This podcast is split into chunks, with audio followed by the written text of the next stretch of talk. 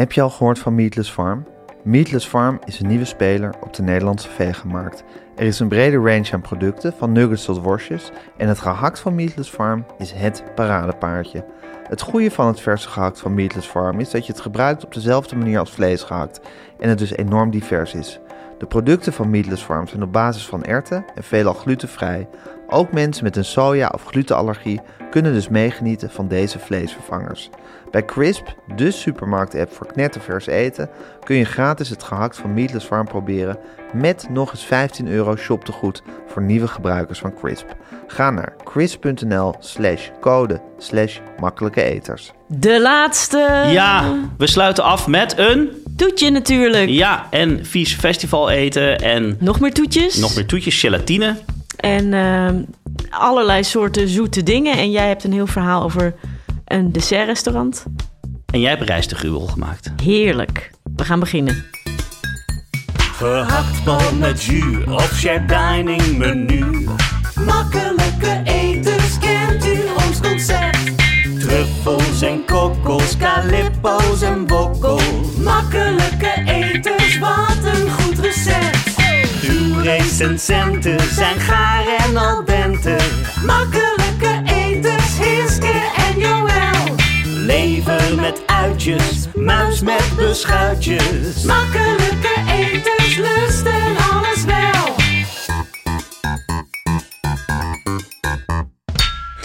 Nou. is hem dan. Dit is hem dan. De laatste aflevering van Makkelijke Eters. Ja, of de voorlopig laatste aflevering, dat weten we nog niet. Dat weten we nog niet. Ehm, maar eh, het is wel... Het is dubbel. Het is dubbel. Ja, Toch? hoe voel jij je vandaag? Ehm, nou, op zich wel oké. Ik heb er wel zin in. Mhm. Ehm, want ik heb weer leuke dingen bij elkaar gezocht. Maar ik vind het ook eh, wel een beetje gek. We hadden deze week heel veel hele lieve reacties van luisteraars. Heel veel, ja. allemaal eh, mensen die, eh, die verdrietig waren. Zoals we hadden gevraagd om veel verdrietige reacties. Nou, die waren er echt wel iets van 200, denk ik, of zo. Echt heel veel. Ja. En ehm, ja, veel mensen die zeiden... oh, wat jammer, ik had jullie net ontdekt... en nou gaan jullie alweer weg. En eh, hier Nita, die schrijft... eh, kom ik net aan bij deze aflevering... na het, na het lachen en, lachend en lerend bintje van alle afleveringen... dan moet ik alweer afscheid nemen. Ik hoop dat jullie gauw terug zijn met appelmoes en kroephoek... en zelfmaaktompoezen van de Aldi... Oh, oh, daar heb ik herinneringen aan. Oh, die heb ik vaak gemaakt, jongen. Hè? Ik weet helemaal niet wat dat zijn. Ja, dat koop je zo'n doos. En er zitten dan die biscuits al in. En er zitten dan twee zakjes poeder in. Eentje die je moet aanmaken die de custard wordt. En eentje die je moet aanmaken en dan wordt de frosting. En dan Wat? dus wel- ja, Dat ik Oh, hier nu ik op mijn veertigste achterkom dat dit bestaat. ja. Zelf maakt tompoezen. Maar Jezus. wel met witte frosting. Er zat geen roze frosting in. Echt een lacune in mijn eh, culinaire opvoeding Nou, dit. Gaat het ik, altijd ik kan, goed? Ik, ik, kan niet uitsluiten dat we hier nog eens op terugkomen. En, al- en cream crackers vind ik ook een goeie. Oh ja. en, en hopelijk een heleboel mislukkingen. En hier ook iemand die zegt... Mijn man kookt op dit moment chili con carne uit een pakje van Knor... en nu gaan jullie ook nog stoppen. Helaas. ja, stop er maar mee dan. Ja, ja, precies. Nou ja, goed, we, het wordt nu eh, sowieso zomer, dus de komende tijd zijn we er eh, niet. Maar we zijn nog een beetje aan het nadenken over of we hier op een of andere manier mee verder willen en hoe dan. Ja. Ehm, maar eh Joël die heeft gisteren een mailadres aangemaakt. Nou, ja, het leek wel aan. Ehm, wij hebben makkelijke eters at gmail.com. Dus gewoon alles aan elkaar, kleine lettertjes. Makkelijke eters at gmail.com. Eh, ik zat te denken, als iedereen die dit nou heel leuk vindt en het jammer vindt en heel graag wil dat we doorgaan, in ieder geval even een mailtje daar naartoe stuurt. Maakt niet uit, dan staat er maar één woord in, nieuwsbrief, eh, eh, herstart, whatever. Dan kunnen we jullie in ieder geval op de hoogte houden. Dan, Ja. dan sturen we er gewoon, zodra ik bedoel, dat kan het zal niet morgen gelijk zijn, kan even duren. Maar zodra we dan iets te vertellen hebben, dan kunnen we in ieder geval ehm, iedereen die dat wil op de hoogte houden. Dus stuur vooral eh, even een berichtje. Ja, en dan Vinden we sowieso leuk om hopelijk te al horen. daar. Ja, Maar we hebben nu in ieder geval nog een laatste aflevering. En als laatste aflevering hadden we als passend thema het toetje. ja, Want dit is een beetje het toetje van, eh, van eh, ons eerste seizoen. toetje. Het toetje. Het toetje. Ja, dit is ook een beetje een toetje. Ja, precies. Dus eh, dat, daar valt genoeg over te Of vertellen. is het het dessert? Ja, ik zeg wel heel graag toetje. Ik vind toetje een fijn woord. Maar is er een verschil tussen een toetje en een dessert? Ik weet het eigenlijk niet. Mensen worden soms wel boos als ik toetje zeg in een restaurant. Ja, ja dat, daar zijn mensen soms gevoelig voor. Je, je zou voor echt van die restauranttoetjes met tien verschillende onderdelen... en allemaal van die flupjes en blupjes en blaadjes en schuimpjes en stukjes merengue en dingetjes... dat noem je misschien toch ook niet zo snel een toetje. Een toetje heeft ook iets soort van simpels. Waar komt het woord dessert eigenlijk vandaan? Weet je dat? Nee, dat weet ik eigenlijk niet. Ik ook niet. Want toetje komt natuurlijk van iets wat je toe eet. Ja. Wat je na, wat, wat, wat, Toespijs. ja. En, maar ja. Dessert, ik heb echt geen flauw idee. Wat stom zeg. Daar heb Maar ik in nooit over principe is ook zo'n flupjes blupjes dessert in een restaurant... is op zich wat je toe eet. Ja. Dus je kan dat gewoon natuurlijk. Ik vind dat we bij deze mogen besluiten... dat we niet zo, niet zo moeilijk moeten doen. Toetje is gewoon een toetje. Ja, oké. nou, daar gaan we het straks over Oh ja. hebben. Maar eh, we hebben eerst nog eh, eh, onze eetweek... wat we het afgelopen de afgelopen week allemaal hebben beleefd. Ja, vertel. En ehm, nou ja, ik heb dus vakantie van het uit eten gaan. Voor het eerst in, ik denk in acht jaar. Eh, want ik ben eigenlijk altijd eh, ehm, gewoon doorgegaan in de zomer. Nou, meestal met een zomerserie eh, waarvan ik me dan van tevoren voornam... oh, die ga ik dan allemaal van tevoren maken. Dat zijn dan geen recensies, maar bijvoorbeeld een serie over eten in de tuin... of eten op het dak. En dan heb ik dan, denk ik, ja, oké, ik ga ik allemaal van tevoren maken... Zijn ze allemaal klaar. Dan heb ik lekker lang vrij. En uiteindelijk komt het er altijd op neer dat ik op de camping mijn wekker om vijf uur 's ochtends moet zetten. om alsnog allemaal stukken af te gaan zitten maken. Het is mij ook nog nooit Nog gelukt. nooit gelukt. Het is elke, ik heb ook zo vaak in Amerika op de achterbank van de huurauto nog een stukje af zitten tikken. Het, het lukt nooit. Ja, maar jij bent. Ja, ik, ik, ik heb altijd het idee dat, eh, dat ik nog een ergere deadline junk ben dan jij. Ja, dat weet ik niet. Ik zit toch ook. Ik kies regelmatig dat ik de redactie een appje stuur. Nee, dat ze mij vragen: hey, eh, komt je stuk nog? Ja, ja, morgen voor negen uur in je mailbox. Dat, Ja. dat is wel een soort standaard antwoord van mij. Ja, ja, ja, ja. Ik ben eigenlijk altijd net te laat met alles. Oh Maar, ja, nee, dan ben jij net een ergere Ja. deadline dan maar goed, ik had dus nu dit jaar bedacht. Nou, weet je wat? Ehm, ik, ik heb eigenlijk best wel zin om een keertje geen rubriek te schrijven. Want het is toch best wel dwingend, zo'n zo'n wekelijkse rubriek. Dus toen eh, heb ik dat gevraagd. En toen kon het ook gewoon. Dus eh, eh, Kees van Une, die ik nog ken van het eh, Parool... die neemt mijn rubriek over deze zomer. En ik hoef dus niet meer uit eten. Wat ook wel ineens voelt als een soort van een hele zee van tijd. Wat Ehm, heerlijk. Ja, dus ik had me gelijk voorgenomen... oké, ik ga nu allemaal dingen plannen en leuke dingen doen. Maar toen werden allebei mijn kinderen ziek. dus eh, toen zat ik een beetje aan huis gekluisterd. En ik heb sowieso het idee dat heel veel mensen op dit moment... een soort zomergriep krijgen of zo. Ik hoor van allerlei Nou ja, mensen die... ook weer COVID Ook overal. weer COVID, ja. Dus ehm, eh, wat mijn eetweek betreft... leek het me leuk om iets te vertellen over wat ik voor mijn dochter gemaakt heb... toen ze ziek was, namelijk kongi. Wat? Kongi. Ook, ah, ja, ja. Um, rijstegruwel. Ja, rijstegruwel. Ja, ik had dat nog nooit thuis gemaakt. Ik maak vaak als er iemand ziek is, maak ik kippensoep. Omdat dat gewoon de eerste, nou ja, Joodse penicilline, hè? Dus eh, het, eerste wat in, wat in gedachten komt als iemand even moet aansterken... is natuurlijk zoiets. Of een andere lekkere bouillon. Iets wat een beetje licht is en een beetje fijn voor je buik... maar toch ook een beetje zoutig en een beetje al je dingen aanvult. Maar eh, mijn dochter die kon dus eh, een dag had ze helemaal niks gegeten en alles kwam er ook gelijk weer uit. Was allemaal heel zielig. Dus toen dacht ik, nou, er moet ook wel iets van eh, koolhydraten even een klein beetje in. Toen dacht ik, nou, dan maak ik een keertje kongi. En dat is dus een inderdaad rijstgruwel. Het is eigenlijk heel eenvoudig. Ik was echt verbijsterd over hoe makkelijk het was. Ik heb het natuurlijk gemaakt in de snelkookpan. Ehm, maar het kan ook in een gewone pan. En het is dus eh, eigenlijk gewoon helemaal stuk gekookte rijst. Mhm. eh, met een klein beetje vlees erin. In best wel veel water. En je zet het op met een... Eigenlijk, ik had er nu alleen maar een stuk gember. eh, wat rondkorrelige rijst. Ik had wat sushi-rijst gebruikt. Eh, flink veel water. Dus echt, nou ja, ik had geloof ik 150 gram rijst op misschien wel 2 liter water.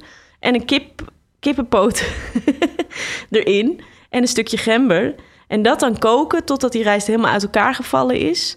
Ja. En het is heel smakelijk. Je maakt het dus op het laatst kun je het afmaken met een beetje sojasaus, beetje sesamolie, een beetje bosuitjes. Je kunt Ja. er ook een eitje in. Maar het, het wordt een beetje kleverig, hè? Ja, zo, wordt- niet, niet zozeer snotterig, maar gewoon wat... Gelatineus. Ja, het is een soort pap, maar pap zoals wij dat kennen is toch wat vaker wat Heeft wat meer structuur. Ja, het is echt is afgebroken, Dit is echt... afgebroken zetmeel. Ja. Dus ja. je, je, het is inderdaad een beetje slijmerig, maar nou, het het, was heeft, echt... het gaat een beetje richting behangplaksel ergens. Zeg maar in een soort heel vroeg stadium.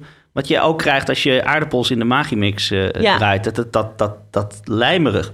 Een klein beetje, ja. Maar ik had ook wel zo... Je kunt ook een beetje kijken wanneer je ermee stopt. Ik had nu ook nog wel wat... Het was niet helemaal uit elkaar gevallen, die Mhm. rijst. Dus je had ook nog wel wat stukjes erin. Maar ik vond het echt perfect voor als je een beetje ziek bent... en een beetje zielig bent. En we hadden dan voor ons... hadden we er ook gewoon een beetje van die chili crisp in... en een Mm, eitje. mm, mm. En ehm, eh, nou ja, ik vond het echt een hele... Nou ja, een soort openbaring. Want ik had het dus nog nooit gemaakt. Wauw.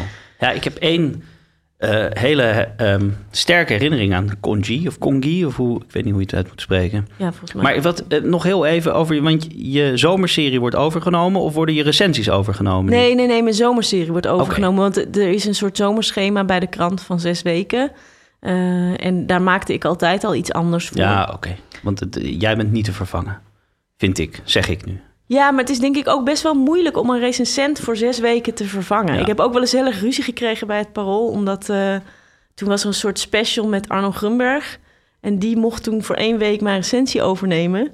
Nou, dat was natuurlijk heel erg raar, omdat je dan gewoon iemand hebt waarvan je ook helemaal niet weet wat. Ik denk dat je bij een recensent ook een beetje moet weten wat iemands currency is, zeg maar. Wat iemand bedoelt als hij een 7 geeft. Of wat je.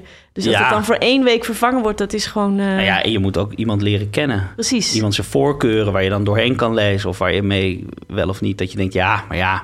Maar die houdt daar gewoon heel Ja. erg van. Dus die zal het wel goed vinden. Ja, precies. Ja. Ja. en dat is dan voor. Ik denk dat dat voor zes weken dat dat best wel lastig is. Ja. En dat hoeft, vind ik, ook niet in de zomer. Ik heb ook altijd die zomerseries met veel plezier Ja. geschreven. Ja, En weet je wat hij gaat doen? eten aan het water. Leuk. Eh, dus ja, allemaal gezellige eh, buiten dingen, ja. en weet jij al wat je die zes weken gaat doen? Nee. Ga je echt vakantie houden? Nou, ik, Geloof ga, het naar de- ik niet. ga naar de kapper voor het eerst in Oh, ja. twee jaar. Nee, ik weet, en verder, ik weet het eigenlijk echt, echt Ja. even niet zo goed. Want nou ja, dit stopt dus ook. Dus eh, het voelt echt als een enorme, als een soort... Als een zwart gat of een bevrijding? Nou ja, wel ook als een bevrijding. Maar het- ik denk dat echt de laatste keer dat ik zoveel vrije tijd voor me heb gehad... was toen ik zwanger was met je, met je verlof, weet je wel. Dat je, en dan bij de eerste, dus niet bij de tweede... heb je dan zo'n peuter eromheen hangen. Ja, ja, precies, ja. Maar zo'n... eh, dus ja, ik denk dat ik gewoon eh, boeken ga lezen en een Fijn, beetje lekker. ga hangen. Ik heb dus één keer congee gegeten. Toen ik ehm, op bezoek was in Hongkong bij Richard Ekkebus. Omdat ik een mooi interview mocht maken voor Vogue toen nog met hem. Hij is een van de ehm, beroemdste, internationaal beroemdste Nederlandse koks. Hè. In Nederland kennen we zijn naam. Is hij iets minder beroemd, maar hij is denk ik eh, de grootste Nederlandse kok internationaal gezien. Hij Ja. heeft een twee sterren tent in Hongkong, Amber. ehm, heel beroemd. En eh, ik mocht een interview. En altijd als ik grote koks moet interviewen, dan probeer ik altijd te kijken of ik iets ehm, kan doen buiten de keuken met ze. Om ze even uit dat restaurant of uit die keuken te halen en even iets met ze te ondernemen. Want dan komen er toch andere verhalen los en dan krijg je toch iemand uit, uit een, in een andere setting. En ik had gezegd, "Dat kunnen wij niet traditioneel Chinees ontbijten. Toen zei Ja. ik, oh ja, dat is goed, vriend. ik zie je morgenochtend om kwart voor acht in de lobby van het restaurant. En toen nam hij me mee echt in een of ander steegje. Echt zo'n bastling, echt wat je in de film ziet. In mijn herinnering kwam er allemaal damp uit putten. En, en, en er hing van alles op straat. En er was een soort stinkeltje op een hoekje... waar iemand buiten met een tuinslang op de stoep... gewoon het, het plastic camping servies aan het schoonspoelen was in een emmer. En ik dacht, oh jezus, waar kom ik terecht? En iedereen kwam daar binnen. Hij zei, nee, nee, ik bestel wel voor je. Ondertussen zag ik iedereen met twee eetstokjes in een glas zitten. Ik zei, wat zijn die nou aan het doen? Zijn ze aan het roeren in het thee? Nee, nee, dat is even om de eetstokjes te ontsmetten in de hete thee. is- Ja, En toen kwam er daar dus een, slim. een- ja, slim of best wel raar dat het nodig is. En toen kwam er dus een, een, een, een, een schaaltje met congee. Met, daar hingen aan de zijkant van het schaaltje lappen varkenslever over de rand... en een duizendjarig ei erbovenop. Nou, ja, Hiske trekt nu een heel naar hoofd. Maar het was dus eigenlijk heel lekker. Alleen Ja. om kwart over acht 's ochtends moet je je wel heel even ergens overheen zetten... om dat, zeg maar, soort van met heel veel smaak op te gaan eten. Ja, ja. Maar goed, in mijn herinnering was het eigenlijk echt best wel lekker. Want ik hou heel erg van lever. Een duizend jaar ei kan ik ook wel waarderen. Mhm. Maar als ik erover terugdenk, is het toch de enige keer dat ik ooit congee heb gegeten. Dus misschien, ja. ja. Nou ja, het, je, het, het, lij- het is waarschijnlijk zoiets als... Nou ja, heel veel dingen met rijst of met koolhydraten... dat je het zo heftig of niet heftig eh, of rustig kunt bedekken met allerlei toppings als je maar wil. Eh, dus, maar inderdaad, het kan ook met eh varkenslever en duizendjarig ei. Maar dat zou ik toch niet aan mijn je buikgrieperige dochter voeren. Nou, heel goed. Ja. En, en jij, want jij, ik zag allemaal foto's van jou op een podium. Dat klopt. Want eh Joël zit in een, eh, in een band. Ja, ik, ik zit in. eh, het was de eerste keer in 2,5 jaar ook weer dat we op het podium stonden. Ehm, Ja. Amazing Snake. En we doen hardrock karaoke. Dus het concept is eigenlijk gewoon precies zoals karaoke. Je, in het publiek kun je een liedje op een kaartje schrijven en je naam. En dat lever je in. En dan word je opgeroepen om op het podium dat liedje te komen zingen. Alleen dan doe je dat niet in dit geval met een CD of een.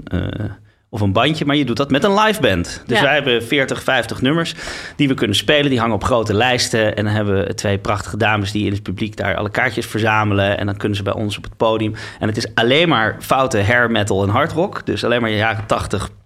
Bon Jovi, Meatloaf, Guns N' Roses, Foreigner. Dat soort werk. Allemaal meebrullers. En ehm, dan staan we ook echt met windmachines en, en, en, en rookpluimen in eh panterleggings. Ehm dit, eh, Ja, ik met moet heel zeggen, veel overtuiging. Je, je hebt ieder jaar, deden jullie net voor COVID dan, eh, in de... ehm, eh, de night of the, in de Bitterzoet, ja, Ja. de Night of the Power Ballad. Ja, En ik denk dat ik daar een jaar of vier of vijf jaar- jaar geleden voor het eerst ben geweest. En dat, het, dat ik toen jou dus op dat podium zag staan. En dat ik wel dacht, oh ja, dit verklaart voor mij echt een heleboel over wat voor iemand Joël is. hoezo dan? Nou ja, je was gewoon zo in je element op dat podium met je, met je strakke legging en je. eh, dus ik moest, ik, ja, ik vond het heel grappig. Ik dacht, oké, ik snap heel goed dat dit ook onderdeel is van Nou Joël repertoire. Ja. nou ja, het was. Kijk, we stonden dus op Graspop, wat een van de grootste metalfestivals van eh, Europa is. En het is gewoon heel. Het is gewoon. We hebben dat twee keer eerder gedaan. Het is gewoon hilarisch. We zijn aan randprogrammering in een voor een classic rock café. Waar is het, Tussen Graspop? Dessel in België. Oh ja. En eh, tussen twee en eh, zes middags.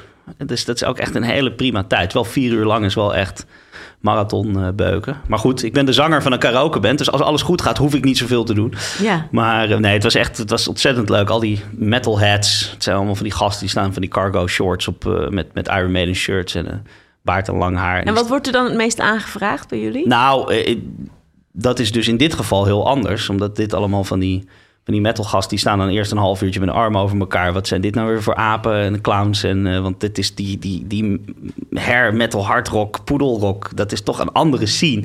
Maar na een half uur staan ze allemaal met de armen in de lucht. I wanna know what love is. Om mee te blaren. Dat is echt heel leuk. Nee, ja, in dit geval vaak Enter Sandman... Breaking the Law van Judas Priest, dat soort dingen. Terwijl ja. op de Nacht van de Power Ballad... het toch veel meer richting... eh, Always van Bon Jovi gaat. En dat soort- Oh, always van Bon Jovi. Hoe dan ook, het was fantastisch. We hebben heerlijk gespeeld, heel veel publiek. Vervolgens krijg je bonnetjes om eh, bij de artist catering of de crew catering wat te eten te halen. En ik heb werkelijk waar in mijn leven nog nooit zoiets kuts op mijn bord. Oh? nou, het was oké, misschien. Het was echt verschrikkelijk. Dat je echt, bestaat het nog? Alsof je in de gevangenis zo. Zo van die kwakken. Wat was zo. het dan? Nou ja, de eerste dag was het kipsaté. Waarvan je dan echt... Ik heb het uit elkaar zitten plukken. En het, was, het leek wel een soort van marshmallow, wattenachtig. Ik kan me niet voorstellen dat het überhaupt kip was. En dan van die... Dat ik dacht, nou doe maar veel groente dan. Want ik zag paprika en courgette en zo. Maar dat je het echt, zodra je vork erin prikt, dat het zo Maar leegloopt. goed, ik En- moet eerlijk zeggen, Joël. Oh, het was... Ik, ik moet eerlijk zeggen, ik weet niet wat je verwachtingen waren bij een metalfestival in België. Maar ik bedoel, zeg maar, voor Nou, de, nou meer ik heb dan- bij Lowlands... Ja, maar Eh. Lowlands, dat, is ook, dat, dat, dat, is ook, dat zijn ook allemaal juppen tegenwoordig. Maar toen, als je vroeger naar Lowlands ging, was er ook alleen maar vies eten. Nee hoor, de artist catering bij Lowlands was echt... Staat al jaren, stond hij bekend als een van de beste... Ja, nu ja. Ja, maar, maar, maar, ook tien jaar geleden al. ja, maar niet twintig jaar geleden. Ja, maar het is toch niet twintig jaar geleden? Nee, Sorry, maar het was gewoon... Weet je, bedoel, doe dan... Ik ben gewoon ik, bedoel, ik vind het niet erg, maar geef me dan gewoon een frikandel. Ja, precies. Weet je wel? Maar Ja. dit was echt dat je echt denkt... Hoe hebben ze het voor elkaar gekregen om, het, om iets wat je zo kut inkoopt... nog kutter op dat bord te kunnen? Oh. Het was echt verschrikkelijk. Ja. Dus de volgende dag heb ik ook gewoon netjes ontbeten... met twee frikandellen en een half liter bier. Ja, precies. Dat is wel weer goed. Op, in België doen ze niet aan evenementenpils. Dat was gewoon echt goed bier. Oh ja, Nou goed. Jupiler. Ja, maar ik weet, ik weet wel van, eh, als je vroeger naar een festival ging, dan was daar gewoon alleen maar heel vies eten. En ik weet nog wel dat toen, toen, toen ik 21 was of zo, dat ik voor het eerst naar Ziget ging. En daar had je dan ook ehm, barbecues en hele cocktails. En dat kostte ook allemaal geen drol. En dat wij echt zaten, oh wauw, wat chic allemaal. Ja, maar maar, op Lowlands had je echt alleen maar hele vieze hamburgers. En, Nee, maar eh, wacht, je moet twee dingen uit. Je hebt het eten op het festivalterrein. ja, ja, dat weet ik. En je hebt het eten achter voor de, voor de medewerkers en de crew. Ja, En ja. dan heb je soms ook nog apart daarvan de artist eh, catering. Mhm. Maar nou goed, dit was het crew. Dit was, sorry, dit was de crew catering. ja. dit. Ja, nee, zeker. Nou, ik weet ook niet wat er toen op de, achter de schermen werd gegeten. Maar ik heb in ieder geval zelf bij festivals toch ook wel een beetje altijd het gevoel dat als er te veel chic eten is, dat ik dat een beetje suf vind. Is het weer niet goed? Is het eten eindelijk goed? Is het weer is niet het weer goed? niet goed? Het was, wat ik het allermooiste vond, is dat ik op een gegeven moment in die rij stond. Dus, ja, nou, doe maar een schepje van die pennen en dan, dan doe ik wel zo'n balletje erbij. Nee, dat mag niet. Ik mag niet mixen. Oké. ja, ja. Ja, heerlijk. Voor de rest, geniaal festival. Ja. Niks over te klagen verder. Oh, helemaal goed. Nou, perfect. Makkelijke etersadvertentieblok. Kidsweek. Op social media, in de klas of het schoolplein. Kinderen horen, zien en lezen veel over wat er in de wereld aan de hand is. Soms kan dit kinderen angstig maken. En soms horen ze dingen die niet waar zijn. Stellen jouw kinderen je wel eens moeilijke vragen? Ja, nou ja, wij hadden laatst ehm, thuis dat mijn vriend en ik het hadden over die situatie in Ter Apel met de vluchtelingen. En de kinderen horen natuurlijk in de, zeg maar, vanuit hun oorhoek af en toe wel wat over vluchtelingen en over Oekraïne en zo.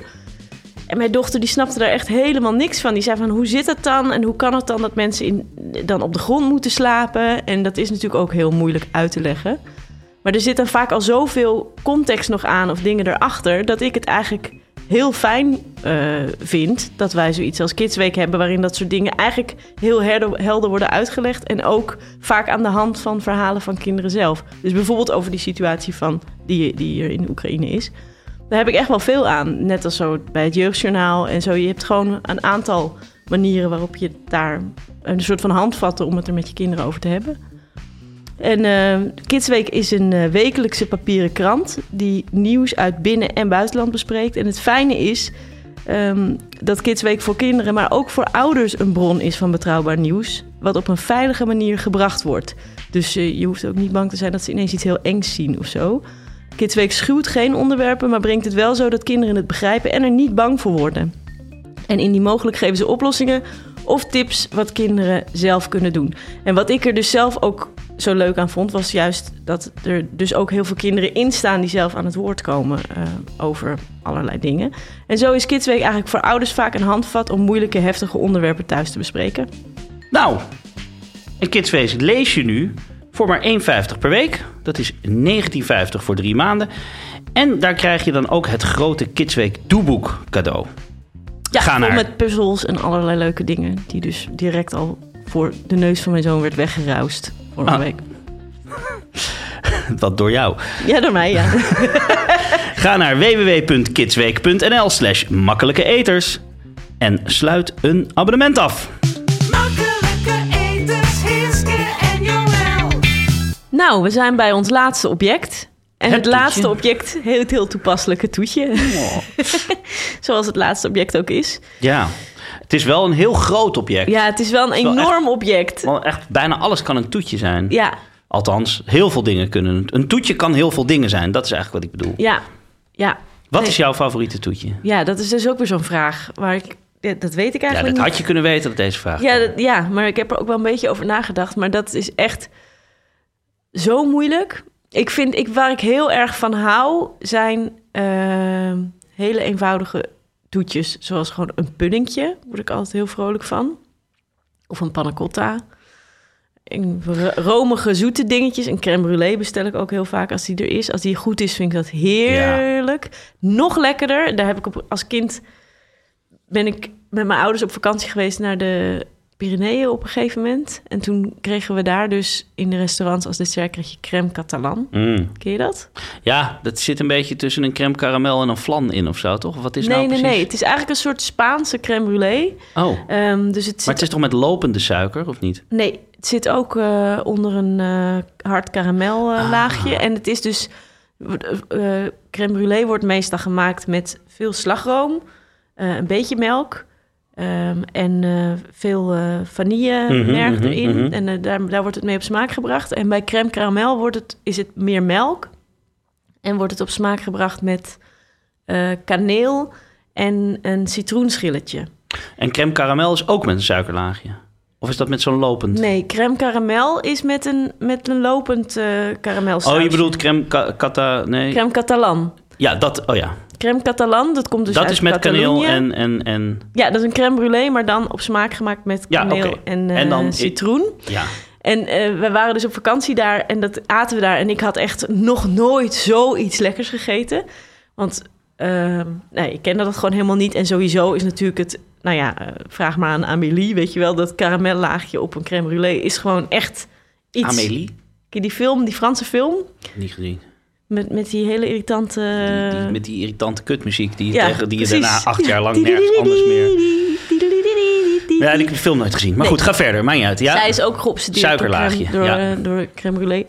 Maar goed, ik vond dat zo geweldig. Dus toen heb ik echt mijn ouders helemaal stuk gezeurd de hele vakantie. Omdat ik een eigen crème catalan set wilde. En dat bestond dan uit van die aardewerken ja. lage bakjes waar je het in maakt. En een brander, dus een, ehm, ehm, een ijzer. Dus een soort ijzer die je in het vuur moest leggen tot die heel heet werd. En daar moest je dan, dat moest je dan boven dat suikerlaagje houden en daar werd het knapperig van. Alleen, nou ja, toen we thuis kwamen, dat zoals je krijgt met dingen als je op vakantie bent, hebben we die eigenlijk bijna nooit meer gebruikt. En zeker ook omdat we dat ijzer gewoon niet heet genoeg kregen. Heb je het nog? Ik denk dat het nog bij mijn ouders ligt. Maar als je het, ik denk het gewoon als je het in de hete kolen gooit, dat, eh, Dat het misschien wel kan, hè? Ja. ja. oh, Ja. dat is wel heel leuk. Om het dan niet met zo'n gasbrandertje te doen, maar gewoon echt op de ouderwetse manier met zo'n met een heet stuk ijzer erboven. Ja, ja. Gaaf. Ja, ik weet ook nog wel dat ik, wat ik ook heel lekker vond trouwens. Ik heb een keer een interview gedaan met meneer Halvemaan, met John Halvemaan, die een paar Mhm. jaar geleden overleden is. En hij had een heel beroemd nagerecht. Dat was een bread and butter pudding. Mhm. Dus ook gemaakt met een custard. En daar maakte hij ook een crème brûlée laagje op, dus met wat suiker. En hij had echt een soort elektrische brûlée brander in zijn keuken staan. En hij moest dat ding, hij moest dat ding ook echt, ik geloof anderhalf uur van tevoren aanzetten of zo.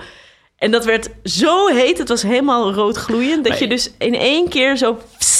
Maar was dat, is dat zo'n soort van soldeerbout, maar dan met zo'n spiraal eraan? Precies, ja, hè? een soldeerbout met een soort platte kant Ja, eraan... waarmee ja, je dan zo'n zo'n puddingje in één keer kon brûleren. En dat werkte heel goed. En ja, ik hou gewoon wel heel erg van zo'n karamellaagje. Ik vind het echt iets heel, eh, iets heel lekkers. Dus dat, dus dat zijn... Dan de- als je ze echt zegt mijn favoriete dessert qua klassiekers... zijn dat denk ik wel de dingen waar ik aan denk. Maar ik vind ijs ook heel lekker. Er zijn natuurlijk veel lekkere Mhm, desserts. mhm. En jij? Nou, ehm, ik heb een, een, een moeilijke relatie met toetjes. Ik hou op zich echt wel van toetjes als gerecht. Maar als ik in een restaurant zit en zeer copieus gedineerd heb... en meerdere gangen en echt lekker, echt goed gegeten... dan wil ik eigenlijk op het einde alleen nog maar gewoon... één bolletje ramzure sorbet. Gewoon iets kouds en zuurs om gewoon lekker door die vettigheid heen te snijden. Iets. Oh ja. En misschien als ik echt in een goede bui ben, een soort koep kolonel... dan mag er nog wel een, een, een, sloot eh, drank overheen of iets dergelijks. Maar gewoon echt een... En dan het liefste citrussorbet. En het ijs moet ook eigenlijk alleen maar uit vrucht, suiker en water. Dus- geen roomijs, geen chocolade. Hoewel een chocoladesorbet ook wel weer echt verschrikkelijk lekker is. Ja. Maar dat is dan niet zuur genoeg. Ik wil echt iets...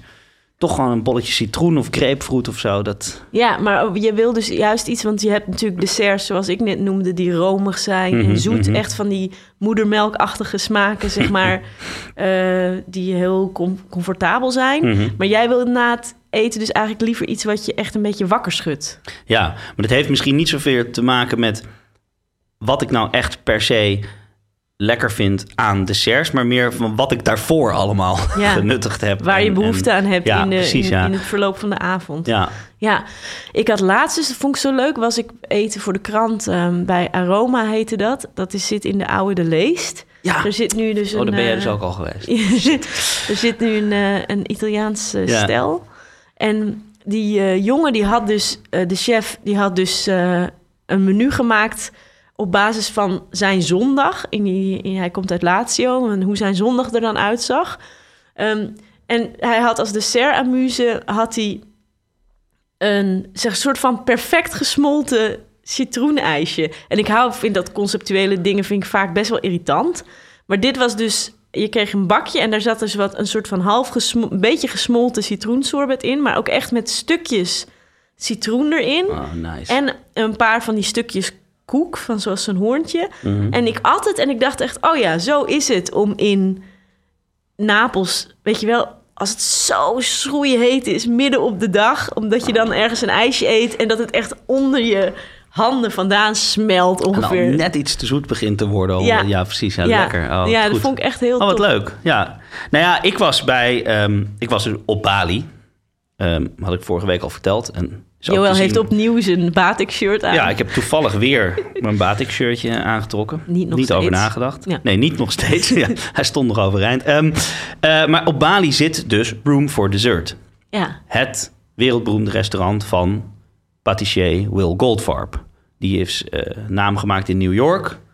Ehm, er is ook een eh Chef's Table Netflix aflevering over hem. eh, die je misschien wel gezien hebt. Weet ik niet. Ja, goed. Hele, nou ja, beroemd verhaal, grote hoogte, diepe dalen, bla bla. En, maar hij, heeft dus, hij had dus een concept, had een echt fine dining restaurant met een tasting menu met alleen maar desserts. En hij is een paar jaar geleden naar Bali verhuisd om daar even helemaal ehm, tot zichzelf te komen en weer opnieuw te beginnen.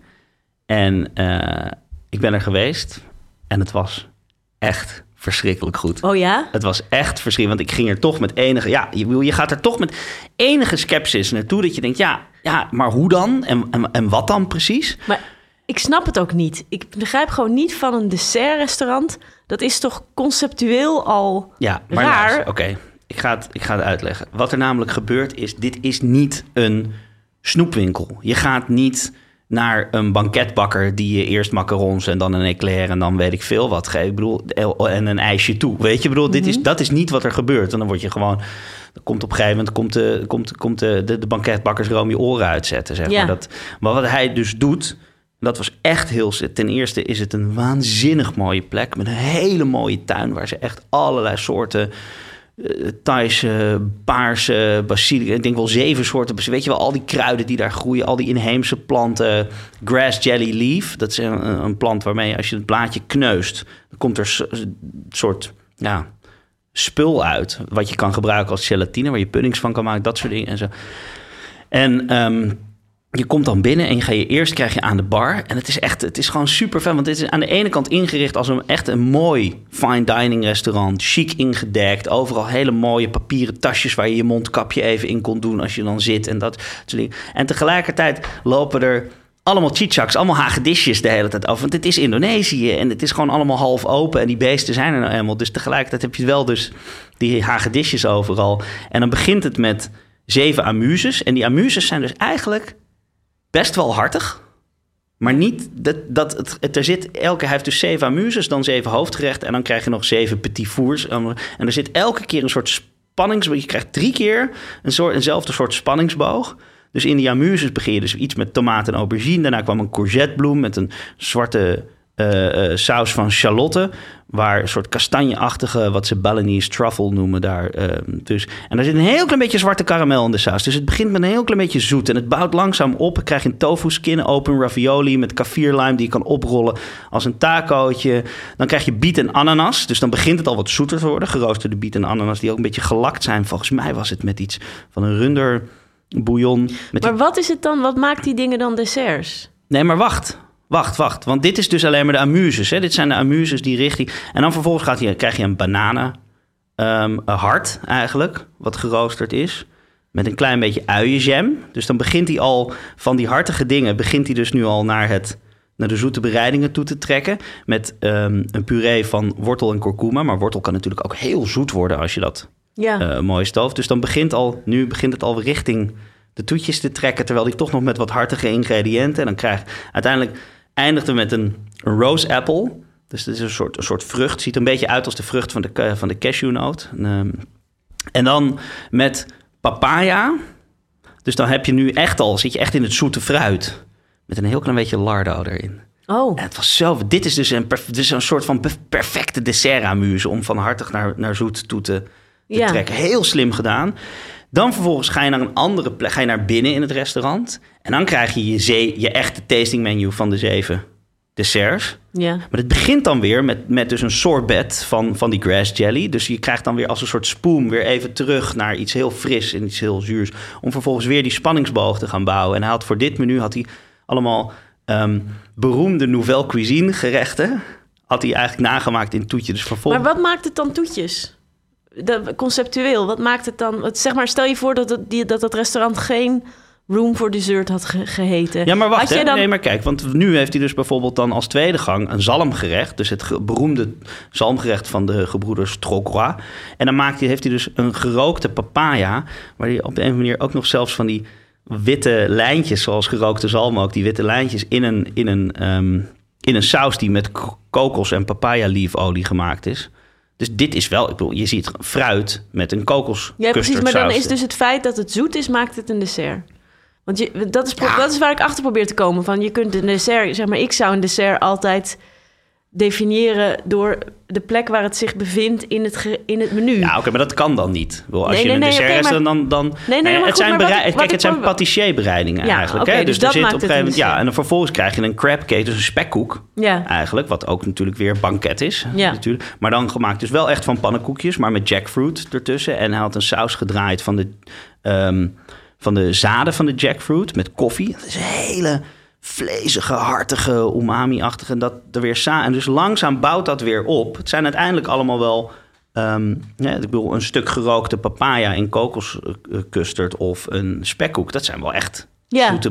Tenminste, Ja. normaal patissier, banketbereidingen, zeg ja, maar. ja. Nou ja, en, toen, en dan langzaam, langzaam komt er weer iets zoets in. Een aardbei met rode rijst. Daarna een gratin van frangipane. Dat is dan weer het eerste echt zoete wat je krijgt. Dat is dan alweer nummer vijf in het, in het menu. Dan krijg je het boozy toetje. De whisky mousse met, eh, met chocolade. Maar echt gewoon waanzinnig goed gemaakt. Maar werd je niet, eh, eh, vond je, de, dus je vond de opbouw prettig, maar zat je niet op een gegeven moment dat je dacht dat je er een beetje kleffig van wordt of zo, van alleen maar zoete dingen? Nee, maar het is dus, dat is dus de grap. Hij speelt heel goed met dus die opbouw naar zoet. Dus pas bij gang 5 had ik het gevoel dat ik echt een zoet gerecht aan het eten Ja. was. En Ja. bij gang 6 komt hij dan even met zo'n boozy toetje tussendoor. Dat schud je dan ook wel weer wakker. Om met 7 weer super nouvelle cuisine met een echte il flottant Ja. te eindigen. Dan heb je weer pas een echt, een echt toetje. Ja, maar waar ik achter probeer te komen is waarom je, waarom je het op die manier zou doen. Nou, dat, dat verhaal vertelt hij ook in die aflevering. Dat hij zegt, als patissier ben je toch altijd... ehm, je moet je altijd schikken naar het menu van de chef. En in dit geval kan ik als patissier mijn eigen menu maken. En kan ik dus eigenlijk helemaal... Bound, eh, hoe zeg je dat? Boundaryless of... of eh, Grenzeloos. ja, zonder, zonder beperkingen. Ja, eh, gewoon alles daaruit halen uit die ehm patisserie en die bereidingen en die, wat hij wil. En het, het is natuurlijk wel heel leuk, want het is... Ja, die, die grenzen vervagen gewoon. ja. Net ja. zoals dat het heel leuk is dat we tegenwoordig gewoon ook heel vaak veel meer hartige desserts nu in restaurants krijgen. Is Ja. dit natuurlijk is de overtreffende trap daarvan. Ja, want je ziet dat ook wel veel, eh, zeg maar, ik denk dat een andere, zeg maar, een ander onderscheid wat je vaak bij desserts gemaakt ziet worden, is zeg maar dessert als een soort, als iets een beetje kinderlijks. Mhm. Eh, eh, zeg maar een kindertoetje. Mhm. Eh, kinderen zijn natuurlijk ook dol op toetjes. Die houden van zoet en van zacht en van romig en zo. En je ziet wel heel veel restaurants die dus inderdaad bezig zijn... Of, je, of met de afgelopen tien jaar of zo... of met desserts waar groenten in zitten... waardoor ze meer zuur zijn en minder zoet en meer...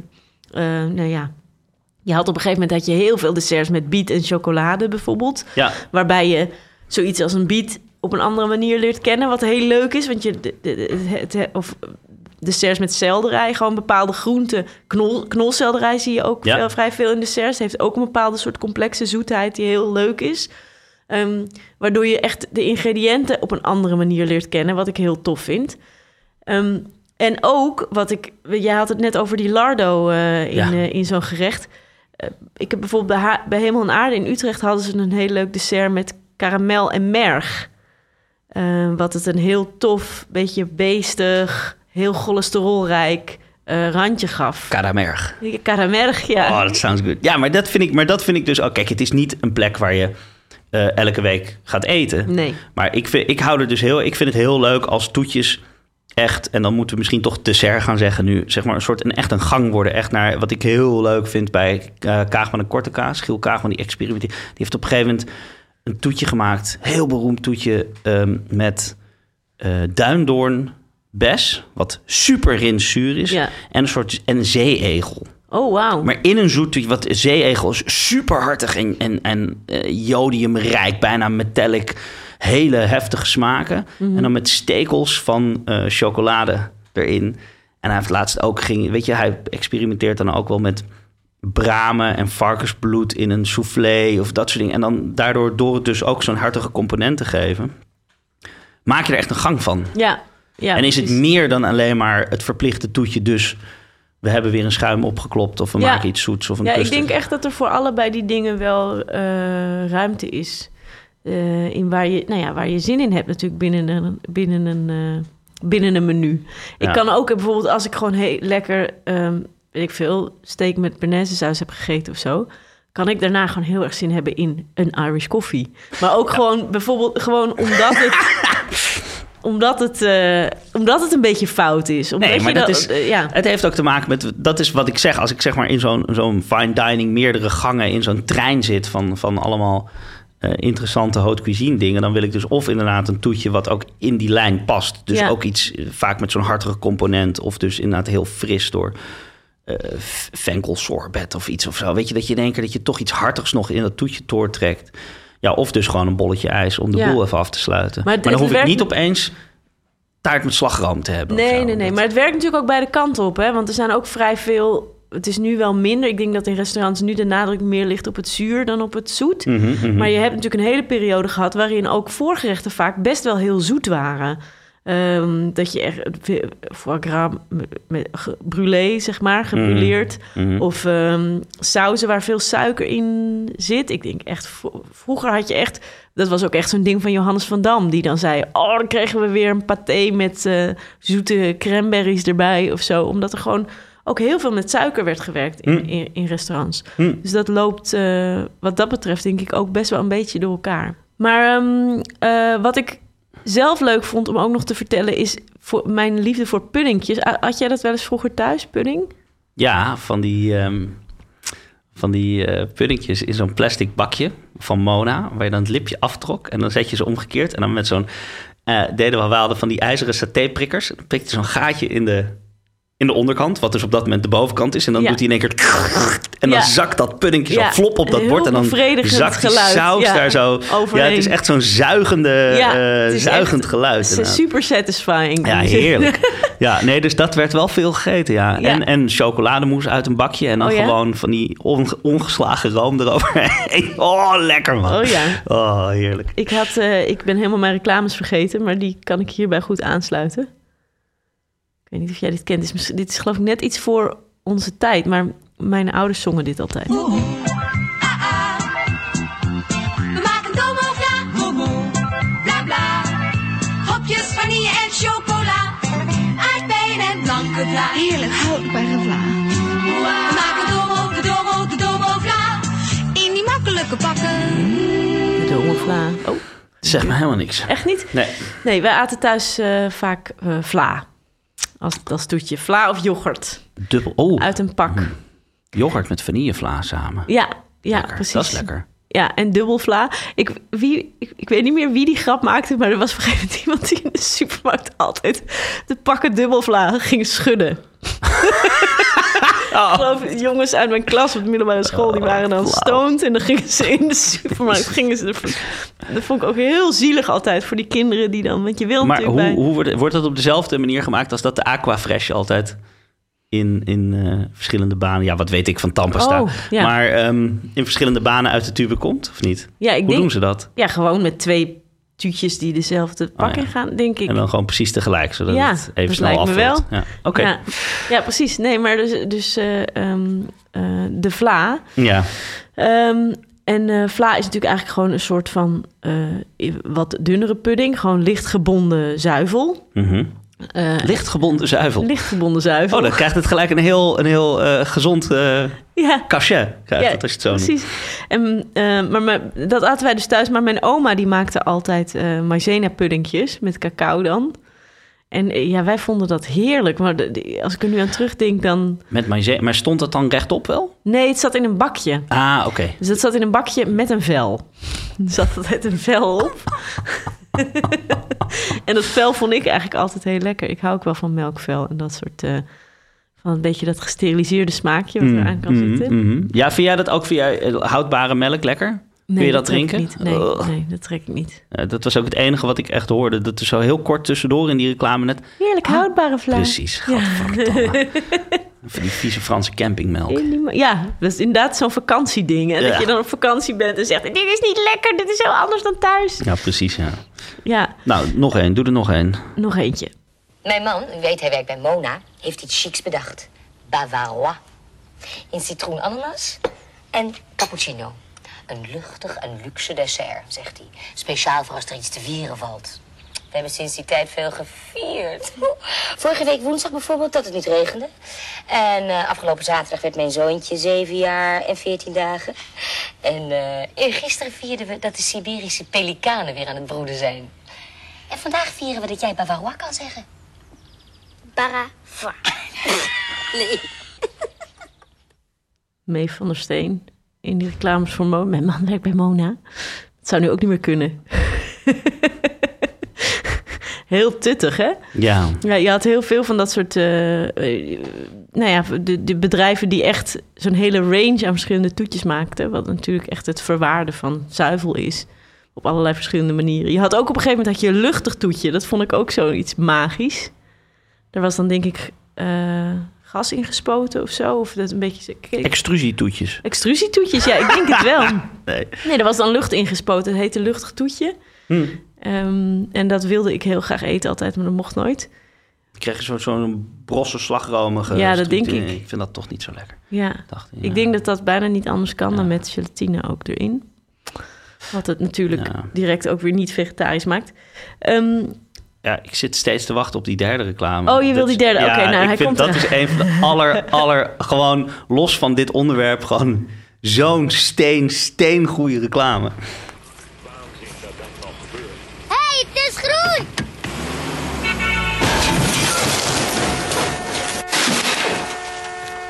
hey, nou is hij weer rood. Fruitjoy, het nieuwe groen, geel, paars, oranje, rood, paars, oranje, rood, geel, groen, geel, rood, groen, oranje, paars fruitijsje. Van Motta. Ik moet er gewoon weer om lachen. ja, het is dus, je moet even vertellen. dus Je hebt dus een gezin zit in de auto. Die kinderen achterin hebben een ijsje. En die man die zit in zijn neus te peuteren ook.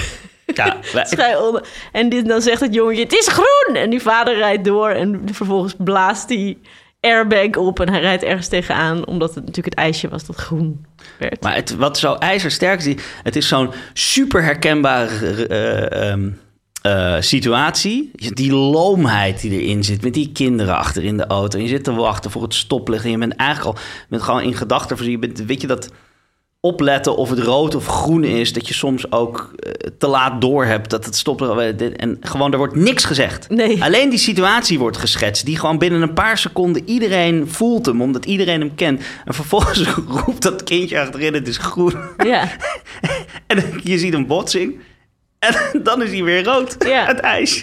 En dat is het. Ja, Meer is het niet. dat Ik is de reclame. Ik vind het een geniale ja ik denk, ook, hij zit Ja. ook echt zo in mensen hun geheugen geëtst. Ja, sommige grappen moet je niet uitleggen, bedenk ik nu. Ik We me dit hoor nu- zeggen. We hebben het allebei uitgelegd. Goed, anyhow. Het is de laatste afleveringen. Ja. Ehm, wist je trouwens dat we toetjes nog helemaal niet zo heel lang bestaan? Nee, Pas een jaar of 300. Oh goed, ik bedoel, dat is best lang. Maar bedoel, het, het hele concept, want je vroeg net, wat is dan het concept toetje? Ja, Dat bestond dus vroeger ook helemaal niet. je bedoelt het concept als in dat het de laatste deel van de maaltijd is. Nou ja, sowieso het onderscheid tussen hartig en zoet heeft gewoon heel lang niet bestaan. Omdat suiker natuurlijk in principe helemaal niet voorkomt in de natuur in zijn pure vorm. Mhm. Het, het zit in fruit. Of, en dat is dan de puurste vorm die je kan in honing eigenlijk, is, is voor 80% suiker. Ja. Dat het super geconcentreerde nectar is. Dus honing was eigenlijk de enige manier om dat uit de natuur te halen. Ehm, suikerriet eh, is, is van oorsprong eh, volgens mij van het Indiaanse subcontinent... of ergens in ieder geval Zuidoost-Aziëse plant. En ze hebben, kunnen wel in India al heel lang... een soort van primitieve suiker maken... door het sap van het suikerriet in te koken. Maar dat is in, in, in Europa en de westerse wereld eigenlijk eh, helemaal niet eh, heel erg bekend. Mhm. Ja, dat komt zo mondjesmaat wel eens met via het Perzische Rijk... of later de Arabische handelsroutes deze kant op. Ja. Tot volgens mij de hoge middeleeuwen was tafelsuiker. Dat kenden we niet. Maar op een gegeven moment komt dat dan wel hier. En is dat dus een heel schaars product. Dat is Ja. een luxe product. En net als met al die specerijen, dat weet je wel van het middeleeuwse eten, is natuurlijk, wordt ontzettend heftig gekruid. Ehm, om te laten zien dat je het breed had. Hè? Liet je het breed hangen, weet je, met veel specerijen werken. En, en, maar dus ook suiker. Dus al die hartige pastijen en die hoofdgerechten waren niet alleen maar, stonden niet alleen maar bol van de kruidnagels. Maar die werden ook gewoon zoet gemaakt. Want Ja. hoe eh, rijker je was, hoe meer suiker je kon veroorloven. Ehm, dus dat heeft heel lang eigenlijk was, was, was er geen onderscheid tussen hartig en zoet. Zoet werd ook gewoon aan het, aan, aan het hartige eten, het hoofdgerecht toegevoegd, al naar gelang het voorhanden was. Ja, En het is dus pas toen, hè, op een gegeven moment hadden de, de Portugezen en de Spanjaarden, die hadden wel al bedacht dat in de Cariben dat dat een perfect klimaat was om suikerriet aan te planten en een suiker te gaan produceren. Maar het is eigenlijk pas in de 17e eeuw, als de Nederlanders en de Engelsen eh, zich ermee gaan bemoeien en ook een slaveneconomie daar ja die Ehm. hele suikerindustrie die hangt natuurlijk helemaal samen met de slavernij. exact. En dan in één keer schiet die productie omhoog. Ja, Is suiker niet meer schaars? Is suiker ook helemaal niet meer zo duur? En kan het met veel grotere bakken worden geïmporteerd? En dan is het dus ook niet zo interessant meer om je hartige gerechten heel zoet te maken, want het betekent niet zoveel meer. Het is niet meer, geen teken meer van rijkdom. En dan pas ontstaat er eigenlijk een soort twee dingen. Gaan, wordt er dus meer suiker in minder gerechten. ge- Ja, dus ja. Wordt er, gaat er dus, hè, er komen de echte, de patisserie, patisserie dan ontwikkelt zich dan. Wat er ook mee te maken heeft, is de opkomst van koffiehuizen. De drank als chocolade, thee en koffie, die heel veel worden aangezoet Mhm. met suiker. En dan wordt dat dus losgetrokken eigenlijk. En dan pas ontstaat er iets als een toetje of een dessert. ja, wat grappig, want het hangt dus ook... Ik weet, je weet, het is een beetje een kip-ei verhaal... maar je had vroeger natuurlijk ook geen verschillende gangen... eh, binnen een menu. Want alles stond ook, Ja. ook... Ook als je wel bijvoorbeeld een hartige pastei had... en een zoete taart... dan werd het allemaal tegelijkertijd op tafel gezet. Dus dat is dat verschil tussen die Franse service... en dan de, wat de Russische service wordt genoemd. Ja. De service à la Russe. Ehm, wat ook een vrij moderne uitvinding is... waarin dingen dus in gangen worden opgediend. Wanneer is dat eigenlijk? Volgens mij is dat nog net iets later, toch? Ja, Dat ik dat- geloof eh, in de 18e eeuw. Ook in de 18e eeuw, oké. Ja, want je had eh, die, eh, hoe heette die, Coucarin, geloof ik, of een, een, Russische, ehm, een Russische ambassadeur in Parijs. En die heeft dat echt als een soort influencer, heeft hij dat eh, Parijs ingebracht. Dus dat er, dat, ja, je had eigenlijk gewoon echt, nou, van die banketten. Mhm. Je hebt er ook prachtig, ik heb van Lisette Kruijf, de voedselhistorica, die heeft daar hele mooie tekeningen van, van hoe zo'n tafel er dan uitzag. Ja. Zo'n enorme tafel met dan een paar pronkstukken en dan omheen allerlei pastijen en dan zo'n hele vis. Nou ja, dat is natuurlijk eigenlijk fucking onhandig, want alles werd koud. ja, precies. Ja, en, de, en het toetje warm werd dan. warm. Ja, en eh, heel vaak was het dan zelfs ook nog zo... daar hangt trouwens ook de opkomst van de gelatine nog heel erg mee samen... dat als je, het, als je van de adel was en je ging zo'n banket geven... dan werd die tafel werd dus neergezet. Heel vaak werd alles nog even goed afgelakt met gelatine... want dan kwamen er minder vliegen op af. en dan, eh, dan, eh, ja, dan ble- bleef het mooier glimmen. En dan mocht eerst mocht het gepeupel mocht met z'n allen langs die tafel lopen... om te zien wat al die rijke mensen allemaal dan gingen eten. Maar dit is echt een soort Instagram. Dit is een soort foodstylisten die nog zo Ja. met gelatine aan het verven zijn, zodat... Zodat- Wauw. Ja, en dan vervolgens mocht het dus opgegeten worden. Maar die, ehm, nou, ik, ik weet ook niet zeker of het echt... eh, die dingen worden vaak ook wel een beetje aangedikt. Maar ik geloof wel dat het echt vanuit met die Russische ambassadeur is gekomen... Hm. dat mensen echt hebben gezegd van... nee, het is eigenlijk veel handiger om eerst iets kleins te eten... en dan een hoofdgerecht en dan daarna iets zoets.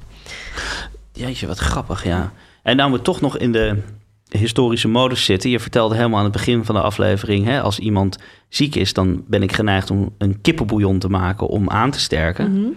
Het woord restaurant, restaureren, eh, komt van... ehm, eh, nou ja, van restaureren, van aansterken, van weer opnieuw eh, opbouwen. De eerste restaurants die zijn ontstaan in Parijs. En dat waren ook plekken waar bouillon geserveerd werd... waar je dan met een zwak gestel naartoe kon... Ja, om, om een restauratieve bouillon te nuttigen. En daar komt het woord restaurant ja, een soort vandaan. health clubs Ja, waren grappig, dat. Ja. Ja. en weet je daar ook trouwens van? We gaan, dat, dat die restaurants ook zo'n succes zijn geworden... omdat dat de enige plekken waren waar vrouwen naartoe konden... zonder hun gezicht te verliezen. Dus het feit Ah. dat restaurants plekken zijn...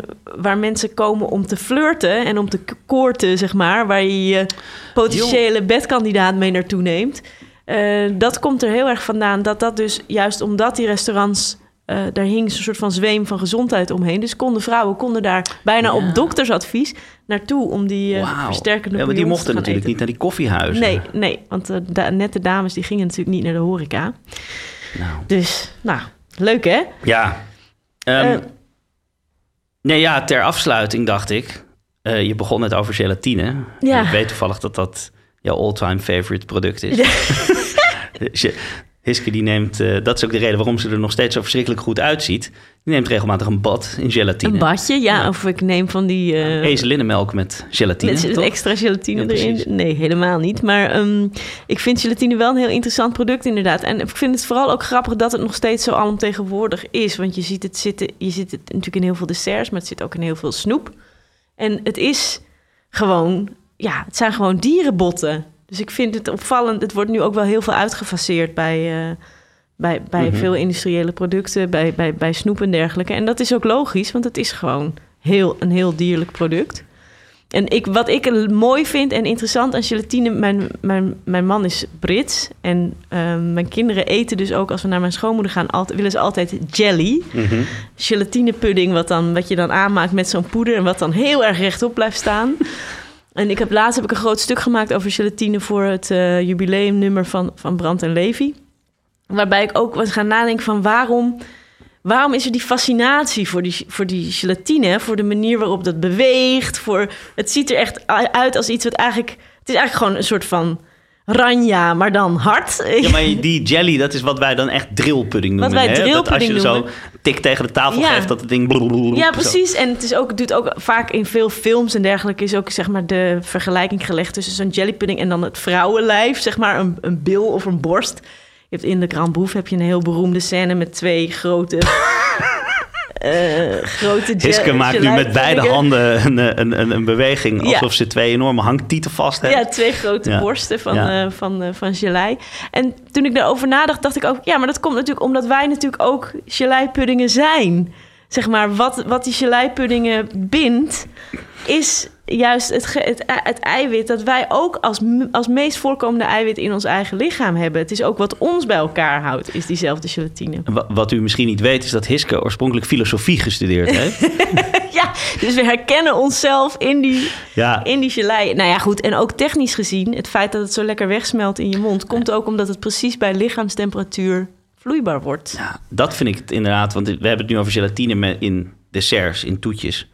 Maar dat is natuurlijk eigenlijk ook wat stoofvlees en eh echte Amerikaanse barbecue. Als je short ribs of, of briskets en zo, wat, dat, dat wordt allemaal bijeengehouden door collageen. Ja. En als je dat heel langzaam, lang verhit, dan valt het collageen uiteen in gelatine. En dat is dan nu in dit geval niet opgesteven gelatine, wat iets bij elkaar houdt. Maar dat is juist dat filmende, plakkerige, niet na te maken. Want het, hè, wordt wel eens geprobeerd met xanthaangom en dat soort dingen. Maar je voelt het toch onmiddellijk of Ja. het echt is gelatine of niet. Wat dan zo op je lippen blijft plakken als je een goede saus of bouillon of een mooie stoof eet. En dat is toch ongeëvenaard. Ja, ja, goed. En het is ook wel iets wat mensen ook al heel lang proberen na te maken. Want je hebt ook van die oude recepten voor ge- geleipuddingen... waarin je gewoon een kalfsvoet moest meekoken in de melk en suiker. Heerlijk. Nou ja, goed.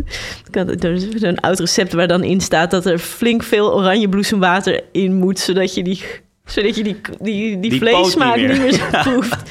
Nou, ik hou wel heel erg van, eh, van eh, eenvoudige puddingjes, zeg maar. Want zoiets als panna cotta bijvoorbeeld is best moeilijk te maken. Goeie, echte. Goede panna cotta. Want Eh, die hoor omdat je je- juist niet te binden, toch? Met gelatine. Je moet gewoon de room inkomen. Nee, je moet er, er moet altijd een heel klein beetje gelatine in. Maar ik hou het meest van puddingjes die eigenlijk... Ik heb eigenlijk bijna nog liever dat ze uit elkaar gevallen zijn... dan dat ze te hard zijn. Want dat het van die stuiterballen Ja, zijn. je- als je je lepel erin zet, moet die moet je openvallen. kunnen scheppen. En Ja. er moet niet een scheur komen. Als Nee. er een scheur in ontstaat, dan zit er gewoon te veel Ja, gelatine. ja maar, ook, maar bijvoorbeeld voor dat stuk ben ik toen zelf ook veel aan de slag gegaan. En ik maak nu tegenwoordig ook best vaak een, gewoon een soort eenvoudig melkpuddingje. Eh, waarbij je dan dus zeg maar bijvoorbeeld een halve liter melk op smaak maakt met iets lekkers. Zoals bijvoorbeeld een, Een kalfspoot. Een kalfspoot, Oh, nee, ja. heerlijk. Vanille of met een, eh, met een, met een kaneelstokje en, cit- en citroen. Zoals bij die crème catalan die ik zo lekker vond. Eh, en ook altijd een snufje zout. En daar doe ik dan vier blaadjes gelatine in. Want op het pakje gelatine staat altijd... je moet 12 blaadjes voor 1 liter vocht. maar dan krijg je echt een soort van stuiterbal. Nee, je moet weinig doen. Vier blaadjes. Of misschien als je fruitpudding maakt, dat is iets zuurder. Misschien vijf. Mhm. En dat is echt, eh, ik vind dat echt heel feestelijk, omdat aan het eind van de maaltijd zo'n puddingje, Nou, die je dan zelf kan omkeren. heerlijk.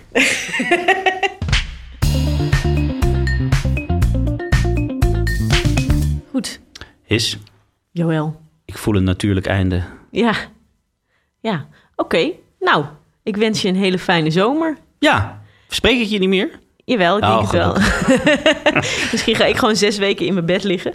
Hmm. Ehm, nou ja, nogmaals, mensen kunnen ons nog benaderen of via Instagram of via het e-mailadres wat jij net Ja, noemde. alsjeblieft, als je op de hoogte gehouden wil worden van eventuele eh, verdere ontwikkelingen, stuur gewoon even een kort mailtje naar makkelijkeeters.gmail.com.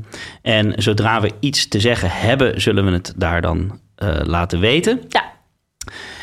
Voor de rest, we hebben het goed gehad. Ja, het was leuk. het hartstikke leuk. Ik heb veel van je geleerd en om je gelachen. Ja, En ehm, ik ben je kop nog steeds niet zat. dus eh, laten we snel eh, weer wat gaan drinken. Nou, super bedankt allemaal voor alle reacties en voor het luisteren. Het was leuk. En eh, wie weet hoor je ons later nog terug. Dankjewel. Doei. Ciao.